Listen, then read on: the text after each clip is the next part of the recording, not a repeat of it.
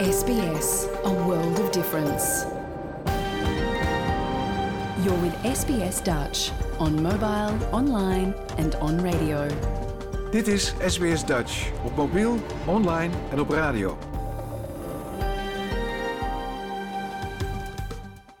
Graag erkennen wij de traditionele eigenaren en verzorgers van het land van waar we vandaag SBS Dutch uitzenden en uiten we ons respect aan de Camaragal mensen van de Kurungay Nation en hun ouderlingen uit het heden en het verleden. Ook kennen we de traditionele eigenaren van alle Aboriginal en Torres Strait Islander landen van waar u vandaag naar ons programma luistert.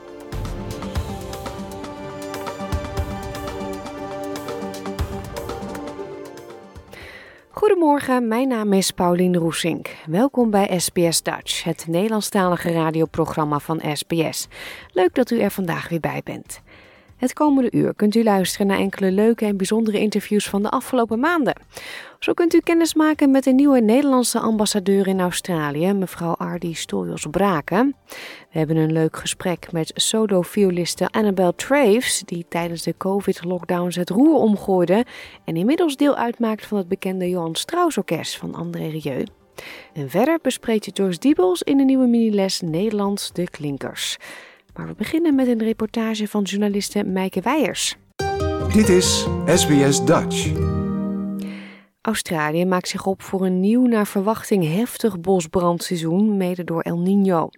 Om grote bosbranden te voorkomen, brandt de brandweer preventief grote stukken bos af. Maar de inheemse Aboriginal gemeenschap pakt het anders aan en zou willen dat meer Australiërs hun voorbeeld volgen.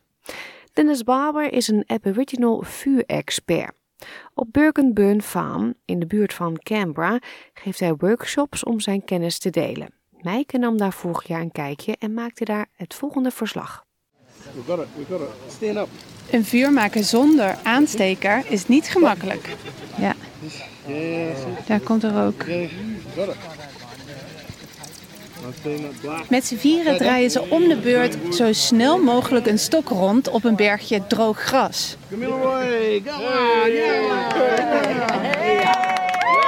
Mensen hebben allemaal blaren op hun handen van het draaien van die stok, maar het is gelukt.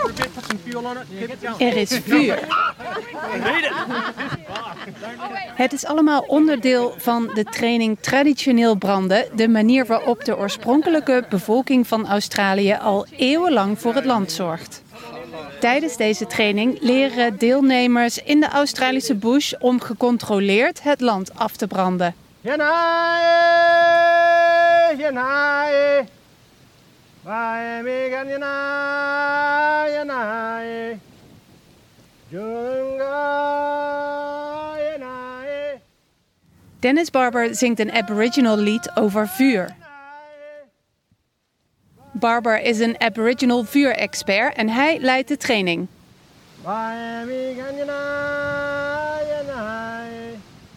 Uh, my name is Dan Barber. Um, I'm first and foremost um, a descendant of the people from uh, Aboriginal people from Mudgee of Wiradjuri country in the central tablelands of New South Wales. Um, I am 58 years old and I've been actively burning, culturally burning country for say 12 years. I'm now operating as a what I call myself a cultural fire practitioner. Het lijkt misschien wat tegenstrijdig, vuur gebruiken om vuur, dus grote bosbranden juist te voorkomen. Maar deze techniek wordt door Aboriginals in Australië al tienduizenden jaren gebruikt. Waar het eigenlijk om gaat is dat de brandstof voor zo'n grote bosbrand, en dat is het droge gras, takken, doodhout, dat moet allemaal afgebrand worden. Want als dat blijft liggen, dan kan zo'n bosbrand heel snel overspringen eh, en zich verspreiden. So do you know what to do? to- Yeah, this whacker's gonna. When it gets to this track, we'll put it out, and if the wind gets too bad, it'll blow back. But it'll already be black, so it'll be in full control. That road and this track. Tom hier vertelt eh, dat ze het eh, onder controle houden. Hij heeft een grote tak bij zich met, met verse bladeren daaraan. Als het vuur deze kant op komt, dan slaat hij het uit. Um, I'm Jesse Faulkner. I'm 14 years old and I have a very mixed match background, but I'm currently exploring the Aboriginal heritage today. Jesse Faulkner is 14 en hij is hier om meer te leren over zijn Aboriginal achtergrond. The Australian firefighters also burn land to prevent big bushfires. What for you? What what is the difference between that and cultural burning? Well, the difference really between the two is um, cultural burning is more in patches. It's putting it all together so that way it, it puzzle piece. Every single fire that you start connects together to another fire, and then you burn the whole area without really using any unnatural techniques. But if you use uh, the Fireys way, which they're not bad people, they're trying to do their job, they just don't. Their higher ups don't really understand that this is the better way to do it. So they would go out with drip torches and do lines of fire. And the problem with a line of fire is it doesn't really give anything the chance to escape. It because in patches, got all these different paths for things to escape. It's got all these different places to people to be. With a line of fire, if you do a line on each side, nothing's going to be able to escape. Do you think that the perception in Australia has changed around cultural burning since the Black Summer fires? Well, I feel like a lot of things have changed in Australia since the Black Summer fires. We've understand that a lot more things need to be done to prevent bushfires, and we understand that bushfires, we need something in place to ensure that they don't get too serious. And for me, I feel like cultural cultural burning is the best way to do that. Er is veel veranderd sinds de zwarte zomer van twee jaar geleden. Dat waren de hevigste bosbranden uit de Australische geschiedenis. De Aboriginal techniek is traag en kleiner, zodat dieren kunnen ontsnappen en bomen niet in brand vliegen. So always think, just be mindful and think, okay, if I was at fire, which way would I go? It all makes sense. And that's the thing, and that's what my uncle here says. What we did was all common sense. Dennis Barber vindt het daarom belangrijk om zijn kennis niet alleen met Aboriginals, maar ook met andere Australiërs te delen. If we continue to say, you know, the them and us, the Aboriginal and the non-Aboriginal, um, we're not going to really achieve what we need to achieve in terms of looking after the country and for future generations. Do you think that there is more opportunity for this type of land management to happen? Well, out of something so tragic from the the Black Summer wildfires came um, this realisation that we need to do something.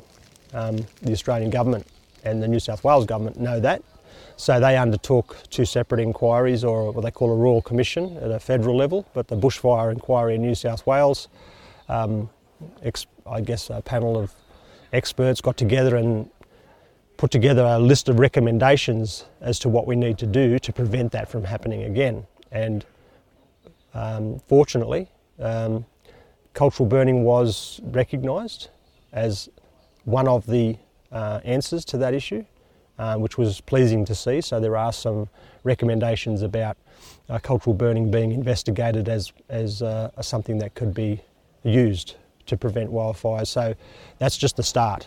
Um, that now then requires, that's a recommendation, but that now requires government to enact that. And how do they do that? How do they best do that? Through programs of uh, implementing cultural burning um, th- across the state, whether that be on public land, on national park, or for um, on private land. So we've got a long way to go, and hopefully, uh, in my lifetime, I'll see at least some movement happening, and that we need to. We can't afford to wait. Do people sometimes get a bit too excited? They do. I think it's within us, within our human, you know, DNA. We get excited and we turn into pyromaniacs. No, no. I mean, you just got to with this. You've just got to um, go slow. A fire essentially is like a is a medicine. You know, we're treating this country with the medicine of fire. And I always say this to people remember, if you have too much medicine, you can have an overdose. You either get sicker than what you were before you took the medicine, uh, or you can die. So, um, when you think of it in those terms, you've just got to look at fire the same way. And that is the issue with hazard reduction. It's way too much medicine at one time, and uh, you, you're treating both sick country and country that's not so sick. Um, and you have, yeah, lots of problems come out of that. So, What do you feel when you see the land burning in the way that it is here? just absolute.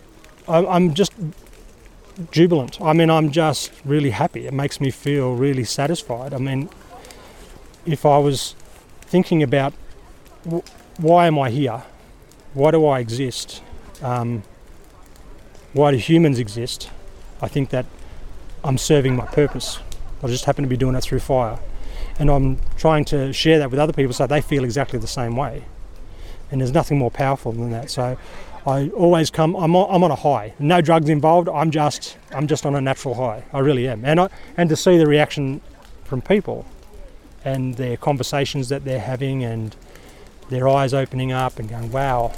And no one here is panicking. I mean, there's a few little hairy moments there. We get that, but that's that's a good lesson because it says, well, we can do this, but we still got to be mindful about how we do it and how quickly, and you know where we put fire and all that sort of thing. So, I I uh, am a lucky man doing what I do. U hoorde een reportage van Meike Weijers. Muziek nu, dit is Als het vuur gedoofd is van Acda en de Munnik. Met het aanbieden van haar geloofsbrief aan de gouverneur-generaal van Australië, David Hurley, begon vorige maand officieel het ambassadeurschap voor Ardi Stoyos Braken. De nieuwe ambassadeur kent Australië al heel erg goed, want ze is namelijk getrouwd met een Aussie. Begin vorige maand spraken we mevrouw Stoyos Braken en ze gaf toen aan dat ze er erg naar uitkijkt om het land in te gaan en de Nederlandse gemeenschap beter te leren kennen. In het volgende gesprek leert u haar beter kennen.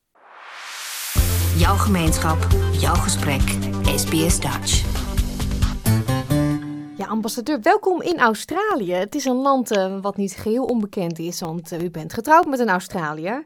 Maar is dit wel de eerste keer dat u hier nu gaat wonen? Dat klopt. Ik ben hier altijd uh, met vakantie geweest. tijdens de vakantie, tijdens mijn eerste verblijf in Australië, heb ik mijn man ontmoet. En sinds uh, 1997, want dat was het jaar waarin we elkaar hebben ontmoet, uiteraard wel heel vaak deze kant op gekomen, maar altijd voor familie en bezoek van vrienden. Ja, was u toen zo'n typische backpacker die in Oceaan uh, nou, dat nog niet? Ik, ik, ik, ik, had, ik had al een baat, dus ik had al wel wat meer te besteden misschien. Ik, ik had weliswaar een, een backpack, maar het is niet dat ik maanden rondgereisd heb. Het was voor een vakantie van een maand. En ehm, daar heb ik wel uh, vanaf Sydney de oostkust verkend en later ook nog uh, Hartje Australië. Dus het was een mooie eerste kennismaking. Ja, en dan uh, nu hier met gezin, man dus uit Australië, zoon en dochter heb ik begrepen. Zijn jullie allemaal helemaal gezetteld? Nou, uh, in, in, in mijn geval was het bijzonder dat zij de afgelopen drie jaar al alle drie hier uh, woonden. Uh, en ik in Indonesië zat. Dus dat maakt het natuurlijk ook super bijzonder dat ik nu hier ben en dat we allemaal weer in hetzelfde land zijn. Weliswaar niet in dezelfde stad. Mijn man en ik wonen nu hier samen in, in Canberra. En de kinderen zitten allebei op verschillende plekken. Eentje in de buurt van, van Brisbane en de ander in Melbourne voor haar studie. Ja, dus die, geen omkijken naar, die zijn al lang en breed gewend. Normaal. Ja, ja, geen omkijken naar, dat, dat is misschien dan weer een ander verhaal. Uh, ja, ze, ze zijn, uh, mijn zoon is 19, mijn dochter is 22. En dan kunnen er toch nog steeds wel momenten zijn waarop papa of mama op de een of andere manier van advies of anderszins van, van nou ja, tot hulp kunnen zijn. Hmm, is de overstap groot van Indonesië nu naar Australië?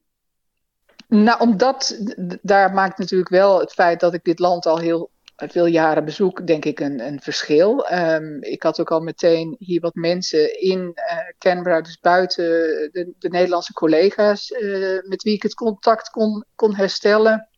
Hebben ook vrienden bijvoorbeeld in Sydney, met wie we al een weekend hebben doorgebracht. Dus dat zijn allemaal wel kleine dingen die het makkelijker maken om hier te landen. Ik had het geluk dat ik ook al uh, rond kerst wist dat ik deze kant uh, op zou gaan. Dus in die zin kun je ook al ja, allerlei dingen inhoudelijk een beetje voorbereiden, al wat meer gaan lezen. Um, het is uitdrukkelijk wel een heel ander land dan, dan Indonesië of een van de andere landen waar ik eerder heb gewerkt. Het is voor het eerst dat ik in een westers land uh, aan het werk ga. En dat maakt het ook wel weer een tikkeltje spannender. Ja, vanuit Den Haag heeft u natuurlijk al heel veel dingen gedaan uh, met betrekking tot India en Bangladesh. En dat ging over uh, onderwerpen als drinkwater en sanitaire voorzieningen. Dat zijn best hele zware en belangrijke onderwerpen.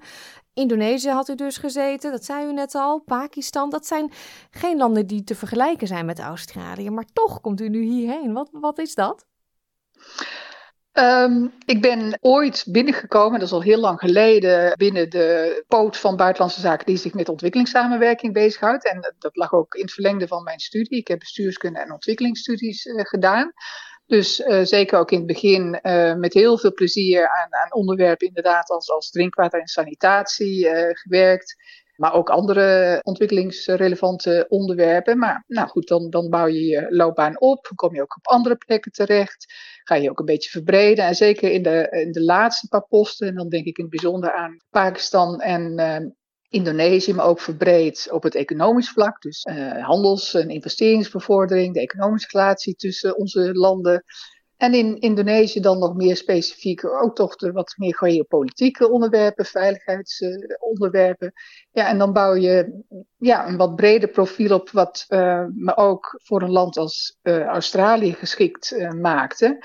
Want ik heb eerder geprobeerd hier terecht te komen op de ambassade. En, en toen was duidelijk dat mijn profiel daar nog niet zo geschikt voor was. dit keer wel. En ja, dan is het extra mooi dat, dat het ook in het persoonlijke leven vanwege het feit dat de kinderen en, en mijn man hier al waren, uh, heel mooi bij elkaar komt. Ja, het gezin is weer compleet aan uh, deze kant van de wereld. Zeker. Ja, ik las dat u uh, volgens mij heel gepassioneerd bent over het klimaat, het milieu, duurzaamheid. Nou weten we dat Australië nog niet echt voorop loopt op dit vlak. Hè. We moeten nog heel veel grote stappen maken. Is dit iets wat bovenaan uw lijst staat voor de komende jaren? Nou, dat is zeker een van de onderwerpen waar sowieso het team ook al volop mee bezig is. En, en waar ik vanuit mijn eigen affiniteit en, en kennis en ervaring inderdaad ook wel een uh, steentje in hoop bij te dragen. Het is een onderwerp waar heel veel landen in de wereld natuurlijk ontzettend druk mee bezig zijn. Uh, voor uh, een deel van de landen in, in de regio, waarvoor ik ook uh, verantwoordelijkheid ga dragen. Want ik ben behalve ambassadeur voor Australië ook voor vier uh, Pacific Island States verantwoordelijk. En voor die landen geldt natuurlijk dat het een kwestie van overleven is. En ja, ook wij zelf. Ik denk dat we allemaal in toenemende mate aan een lijf ervaren dat er wel degelijk iets aan de hand is. De extreme weerpatronen die we zien, allerlei records die worden verbroken. Dus in toenemende mate is het uh, een kwestie van uh, voortbestaan of niet voor ons allemaal. En die gezamenlijke uitdaging, ja, dat is iets waar ik uh, ook in de relatie met, met Australië inderdaad graag aan wil werken. Hmm. Is het eigenlijk mogelijk als ambassadeur om iets wat je persoonlijk heel erg aangaat of waar je heel erg gepassioneerd voor bent, om, om dat soort van op de agenda te zetten? Of is dat toch wel iets wat een langer termijn is? U neemt iets over van de vorige ambassadeur en eh, ze gaan al een bepaalde koers. Ja, nee, kijk, uh, we hebben natuurlijk allerlei kaders waarbinnen we werken. Dus ik, ik kan niet zomaar een, een, persoonlijke hobby even op de agenda zetten als dat verder helemaal niks te maken heeft met wat de Nederlandse regering ziet als, als belangrijke onderwerpen in de relatie uh, met Australië. Zijn, uh, ja, we hebben dan een soort meerjarenstrategie waarbinnen we op hoofdlijnen bepalen wat, wat belangrijk is. Maar als gezegd, klimaat en de energietransitie en, en andere groene onderwerpen, ook circulaire economie, maken daar wel degelijk onderdeel van uit uit. En ja, daar heb ik dan ook persoonlijk, uh, omdat ik al vaker binnen verschillende jobs bij buitenlandse zaken op deze onderwerpen heb gewerkt, wat meer affiniteit mee.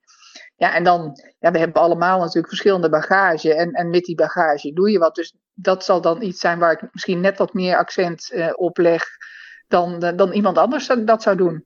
Ja, ja. Zijn er andere dingen op de agenda die de samenwerking tussen Australië en Nederland um, moeten of kunnen versterken?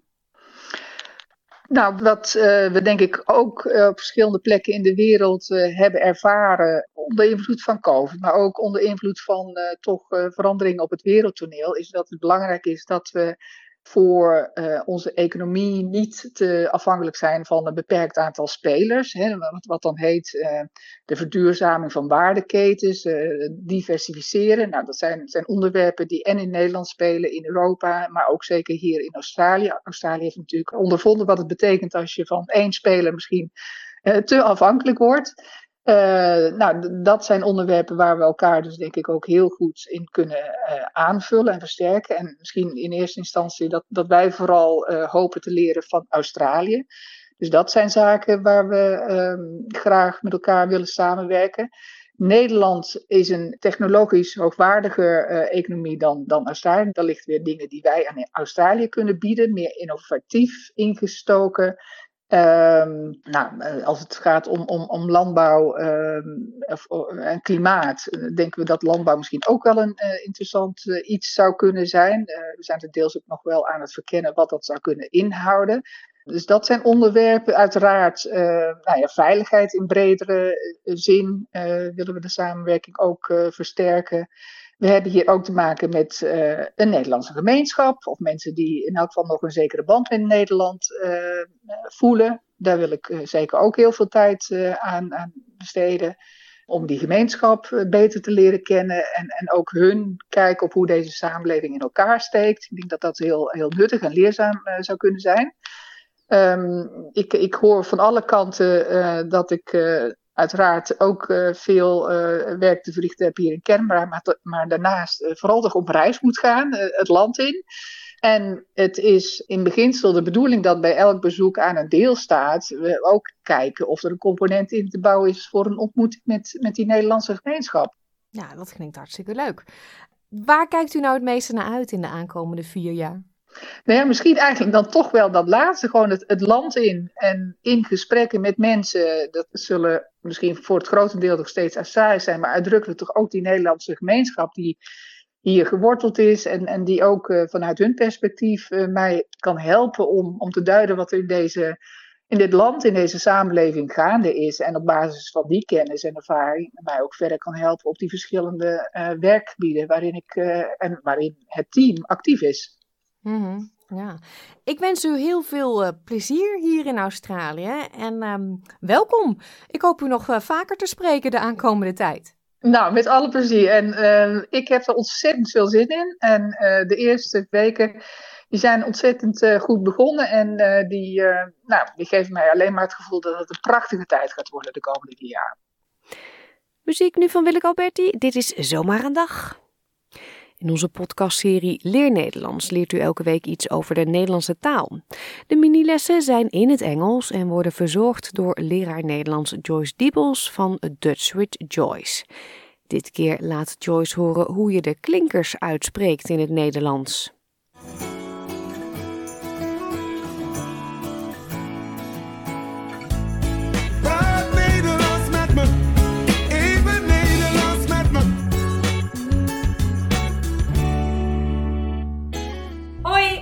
Joyce, and today we have another Dutch mini lesson. Today we are talking about our vowels. And the vowels in Dutch are klinkers, which is actually quite interesting because klinken is actually the Dutch verb for sound. We use our vowels, our klinkers, to make sounds and to make sense of certain words. And same as English, we have the same letters for our vowels the A, the E, the I, the O, the U, and we have a wannabe vowel sometimes, which is the Y.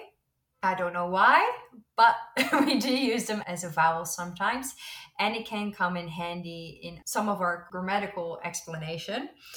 So let's start with our vowels because the vowels do sound a bit funny and confusing sometimes. So let's start with our letter A, the first letter of our alphabet. Our letter A in Dutch is not the A, it is the A. The A. Aha. The A. The A, the A, can also sound like an A so same as in English, right? You can sound the A like an A, but it can also sound like an ah, like or a man. So it has a lot of different sounds in English too. In Dutch, there's just two: the a or the ah. The a and the ah. So for example, we can think of man and mom, moon and man, man en man. Maan, man. Man and man. Then we go to our second vowel, onze tweede klinker, the E. Well, the E again doesn't sound like our E. It sounds like your letter A. So our E is said as A. The E is the A. The A, as in our last lesson, can also sound like e at the end of a word or e. So usually the E sounds like A or E. So for example, meer of met. Meer met. Meer met. So the E is the A or the E. Next one, the I. Well, if you see a pattern here, then you probably can guess what the I will sound like. the I actually sounds like the E. The E. So the I sounds like E or I. The E or I. The E in Dutch can either be the letter I or sometimes you will see it as the IE combination, which actually also sounds like E. So, for example, familie has both an I and an IE written, but it sounds the same. Familie. Familie. And for a I sound, we can refer to ourselves. Ik, I, ik. So, familie en ik. Familie, ik. Next one, the R. Now, I say it as a Australian R, and this is a mistake that we see a lot as well. Australians love their R's, and they think that Dutchies love their Australian R's as well. But no, we say it as a clear O. So I don't want to hear R and make it a bit funny. We want to hear a clear O, a more American O. If we say the alphabet, we say N O P, but I want you to try and say N O P. Oh, little light bulb moment. So our Dutch R sounds like an O or an O. O, O. So a word that has them in there would probably be something like dope and dop. Dope and dop. Dope, dop. Yeah. Dope is not like the English word dope. It actually means a bapti- being baptized. So the dope is the, the baptism, and a dop is a lid. So dope and dope. Then lastly, we have our you. Our you sounds like U. U. And it sounds more like a flute, has a bit of that U sound in there. Flute. And we say U or uh that we remember from our de sound there. Uh, u, uh, u. It also sounds a bit more like stew, but without that W sound there. So like stew, ooh, stew. That's how we can make our u sound. A very common u word in Dutch would be muur, muur, the wall, muur or expensive, duur, duur. And one word with the e would be dun, dun, thin, dun. So we have muur and dun. Muur, dun. These are our vowels. So to have a little bit of a summary, let's try and do them all together. I'll say the letter in English, and then you and Pauline can practice them in Dutch. The letter A. A. The letter E. E. The letter I. I. The letter O. O. And the letter U. U. A, E, I, O, U. Again, the best way to practice is to read a text and try and sound out all the letters as you go. Put on your Dutch cap and keep on practicing. And I'm sure that within no time you'll be able to say all the vowels the Dutch way. Happy practicing and catch you next time. Doei!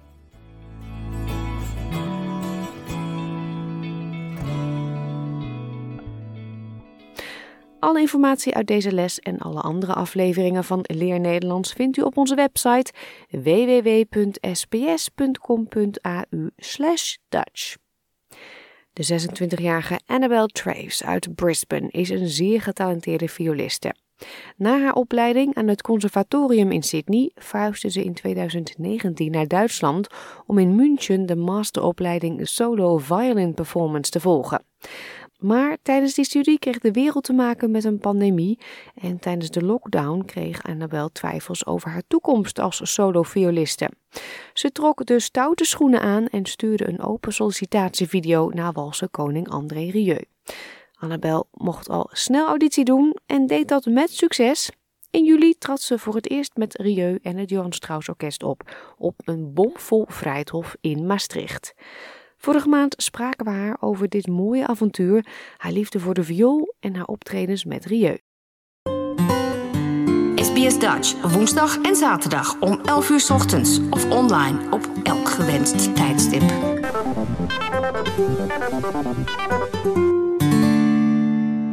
Annabelle, why did the five year old you choose to play the violin and not the flute or the trumpet or percussion? Yeah, that's a very good question actually. I've got to um I've got to attribute that to a bit of sibling rivalry, I think. Um, shout out to my big brother. No, there was one day he just came home. Uh, he's a few years older than me, and uh, at his school, they were doing like a compulsory strings education orchestra program, I think, for the class.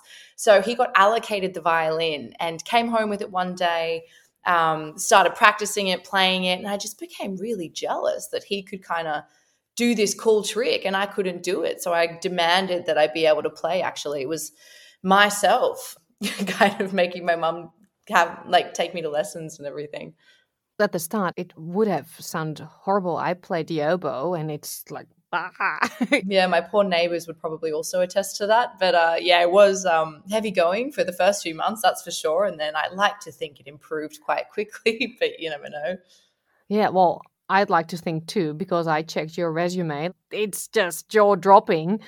At the age of 13, you got a call and you went from Brizzy to, to Sydney. I did, yes, and that was um it was quite difficult at the time because obviously um there was a big debate. I think my my teacher at the time wanted me to stop proper schooling and go into homeschooling and do intensive violin kind of school, like music school, and under her tutelage, kind of in Sydney. And uh, yeah, it was a big discussion around the family table, obviously, because I think my my parents really wanted me to have a very full um, education at a like a kind of normal school that wasn't centered on just music. And so i decided to keep doing that actually at my at my school in brisbane. But then i had to commute every week to sydney for these lessons and kind of try and juggle both. So it was a very busy time. What did you really like about the violin? Because I remember from my childhood, it's very hard to to practice, and if you want to reach a level you are at, you have to play a lot. Yeah. So, what was that that you really enjoyed? I think the part that still to this day is kind of my driving motivation um, is the performing itself. I think being on stage and you've put so many hours into this performance, and then there is that moment. It's like a, it's a, it's the climax of it all, and you get to kind of put out all of the work that you've put in and just you know whatever happens in that moment you can't take it back. And it's there's so much adrenaline so much going on. And i think that rush is what i kind of have come to just be obsessed with. It's just um, the feeling like no other. So i would say that's the motivation for me. So it was totally your own choice no pressure from parents. Did i ever play a, an instrument? Yeah, so my mom uh, played the violin when she was younger, like going through school. So she yeah, she didn't do it professionally, but she was actually a professional ballet dancer for a while. She danced with San Francisco Ballet when she was very young. Um, and so she's very, yeah, she's got the arts for sure um, inside her. And she, yeah, I think there were times, a lot of times when, you know, as a child, I don't think the thing you want to be doing naturally is practicing a few hours a day. But she was very, yeah, how do you say it? it helped me stay in line.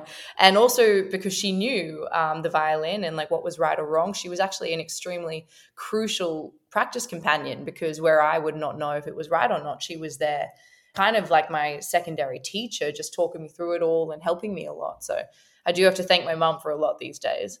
Hmm. Yeah, and you did your bachelor degree here in Sydney at the Conservatorium yes. of Music. And then you decided to go to Europe to do a master's degree. I did, yeah. I um Australia's music scene is amazing, but I do think um, what we do as musicians, as artists, is it's worldwide, it's international, and I really believe that Europe is a hub for classical music. Um, you know, all throughout history, it has been that, and I just thought, you know, to be amazing to be able to come here, where the epicenter of it all is. And there were a, a, lot of incredible violin professors based in Germany at the time. Um, so I just kind of set my sights on Germany and uh, went and did a lot of auditions there actually and got in and yeah, ended up there. Hmm. And what did you learn more or extra in uh, Munich? Because that's the city where you were based, uh, yeah. uh, compared to Sydney. Well, I mean, that was a very interesting time because as soon as I moved to Germany was when COVID hit. So obviously the whole structure of you know, a performance. I, I, was doing my master's in violin solo performance. Um, suddenly you've got no performances, and also the universities are trying to prohibit you from seeing your professor face to face. So when I was allowed to, you know, when the restrictions were a bit lighter, um, I was able to have face to face lessons with my professor. But I would say I just learned so much from him. His name is Linus Roth, um, based in Munich, and he's he's a soloist. He's just an incredible violin uh, violinist. And um, just in general, kind of you're learning right from one of the leading violinists of today who's traveling the world as a soloist. And just the kind of advice that he can pass down from firsthand experience is so invaluable. So I would say just in general, so many things about the instrument and about performing and obviously going in depth technically with a few things. And yeah, there's there's so much. So is that your dream, uh, touring as a soloist? So it really um it was. That's absolutely how I was trained. I had um, an incredible teacher in Sydney, uh, the late Professor Alice Waten, and she had studied in Moscow and Berlin with some of the greats like David Oistrakh, who was one of, still to this day in history, the best violinist that ever lived. And um, she was very strict, but just the most incredible pedagogue. And um, the way that she taught her students was very eyes on the prize you know? We were all kind of trained to be soloists. That was the the main goal. And i think um, i did have my sights set on that very strongly. And um, yeah covid was a huge standstill obviously for that. Uh, i started questioning my career goals my career dreams. There was nothing going on. I wasn't sure how i'd be able to bounce back uh, after those years of just kind of stillness. And um, that's actually when i decided to write to andre I was feeling a bit lost, unsure of you know what my music career was really looking like as a soloist, and um, I just really yeah I don't know what made me do it, but I just thought of Andre Rieu and uh, thought why not? I'll just try and reach out and see what happens.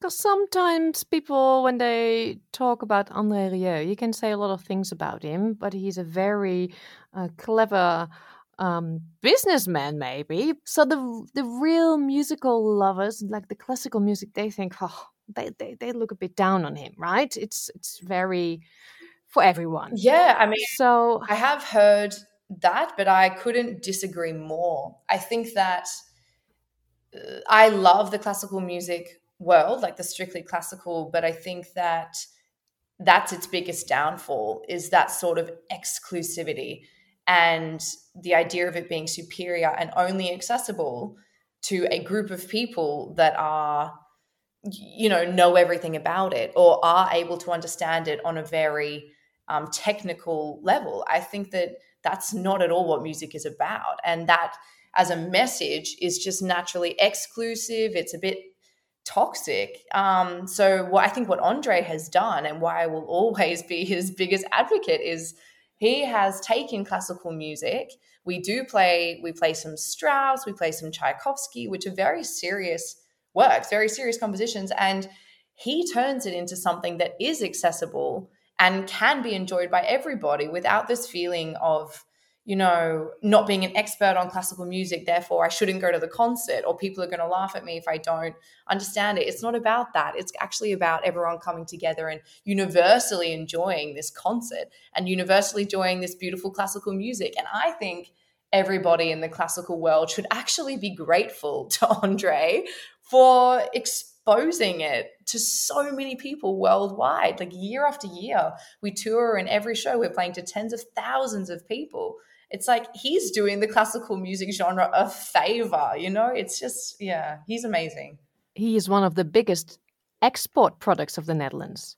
Exactly. Yeah, he, he absolutely is. And I think um, I can't remember the exact figure, but the 12 shows that we've just done in Maastricht, I think alone just for the city earn the city millions in revenue just because of how many people are flocking to that city. And that's, you know, that's for any city in the world in three weeks to make that many million dollars is um, pretty unheard of. And he's just managed to do that with 12 concerts. Yeah, because you did write him a letter, and um, fast forward, you are now part of the Johann Strauss Orchestra. Um, how yes. did that go? Did you have to do auditions as well? I did, yeah. It's um, and it was one of those things. It uh, I never actually thought it would happen. It was crazy. I actually just made a video of myself one day sitting in my kitchen with my violin, um, kind of saying, Hi, Andre, my name's Annabelle. Absolutely love what you do. And I would love so much to audition for you if you would ever like to hear me play. And, uh, you know, you send off a video like that. I submitted it to his fan page because I had no way of contacting him really and um, kind of forgot about it. And about two weeks later, I get this email actually from him himself saying, Hi, Annabelle, I just actually saw your video. Come play for me like tomorrow in the Netherlands. And I was in Munich at the time. And, you know, obviously, after freaking out and calling my whole family, be like, what do I do? What do I say? Of course, I jetted off to the Netherlands and uh, did my audition for him. And he signed me that day, offered me a contract. Wow. What a story. yeah, it was really. Um, but that's another thing about Andre. I think he and why his business is so successful is because when he he knows always what he wants and he will just make sure that he gets it and make sure that that happens. And it was all very very fast how it all came about. Yeah, that was last year. Now you just experienced the Vrijthof concert in July. Yes. How was that? Because uh, I, when I see footage of the audience, it's young and old. It's every layer of society. People Mhm. are enjoying it so much. The only Yeah. thing that can um, be a bit bleh is the weather in the Netherlands. But I think true. even even then, yeah, I was very impressed. I was kind of like outdoor concerts, Maastricht, Netherlands. Let's see how this goes. But I think there was only one night where it um, showered a little bit during the show, but everybody was prepared with their rain ponchos. They just popped them on and sat there and enjoyed the rest of the concert. Mm. But how is it to be a part of that orchestra? Because um, I read you also played with the boss, Oh. Springsteen, Michael Bublé. I mean, the audience of Andre Rieu is the same level of intense, I reckon. It, I mean, it is. I think it actually is, especially for the Vrijthof concerts, because um, it's just buzzing with energy. I've never really never been part of anything like that, and I think like nothing can really prepare you for it. No one really told me exactly what it would be like. You know, I'd heard the concerts would be amazing, but you step out. We firstly we step out onto the steps just outside this theater that's behind the venue, and and no one had told me, but like hundreds of people were there waiting, like yelling, taking photos. Kind of, there was security like holding them back, and it was just, it, I, felt like a pop star. But obviously, they're not looking at me; they're looking at Andre. But I was like, wow. but you were standing next to him. Yeah, exactly, exactly. Um, prime placement. But um, no, it was just electric, and um, the format is that a lot of people also like along the sides of the um of the concert venue and could enjoy like a drink on the terrace and have dinner at the same time and still enjoy the concert. And it was just the the best vibe and so inclusive and so joyful. Everyone's so happy to be there. It's yeah i really hadn't experienced anything like it. Hmm. Do you have a favorite piece you're playing? a favorite piece? Oh gosh there are so many. I'd have to say probably two at the moment. We had this incredible soloist. She was a guest soloist for Vrijthof, but now will be touring with us just because Andre just loves her, as we all do. She's incredible. Her name's Emma Kok, and she's 15 years old. Um, and she came out as a guest artist, and just she's um, got a very serious health problem, something like a stomach paralysis kind of disease and she's she's only 15 and she comes out just the voice of like a powerhouse and she just belts out this incredible song and the first time i heard her i just started crying. I get really emotional and i would say yeah playing that with emma is one of my favorites. Um, but then also because i'm yeah i'm a bit of a softie. I like the classics. We do amazing grace as an encore. And I don't know why that piece just gets me every single time. But yeah, amazing grace. Great. Well, I wish you all the best and a lot of fun. Thank you so much for your time. Thank you so much, Pauline. Thanks for having me. En hiermee komen we aan het einde van deze aflevering van SBS Dutch. Op onze website www.sbs.com.au/dutch kunt u al onze verhalen nog een keer beluisteren. Heeft u een mobiele telefoon of tablet, dan kunt u ook de zeer handige en gratis SBS Audio app downloaden. Ga daarvoor naar Google Play of de App Store.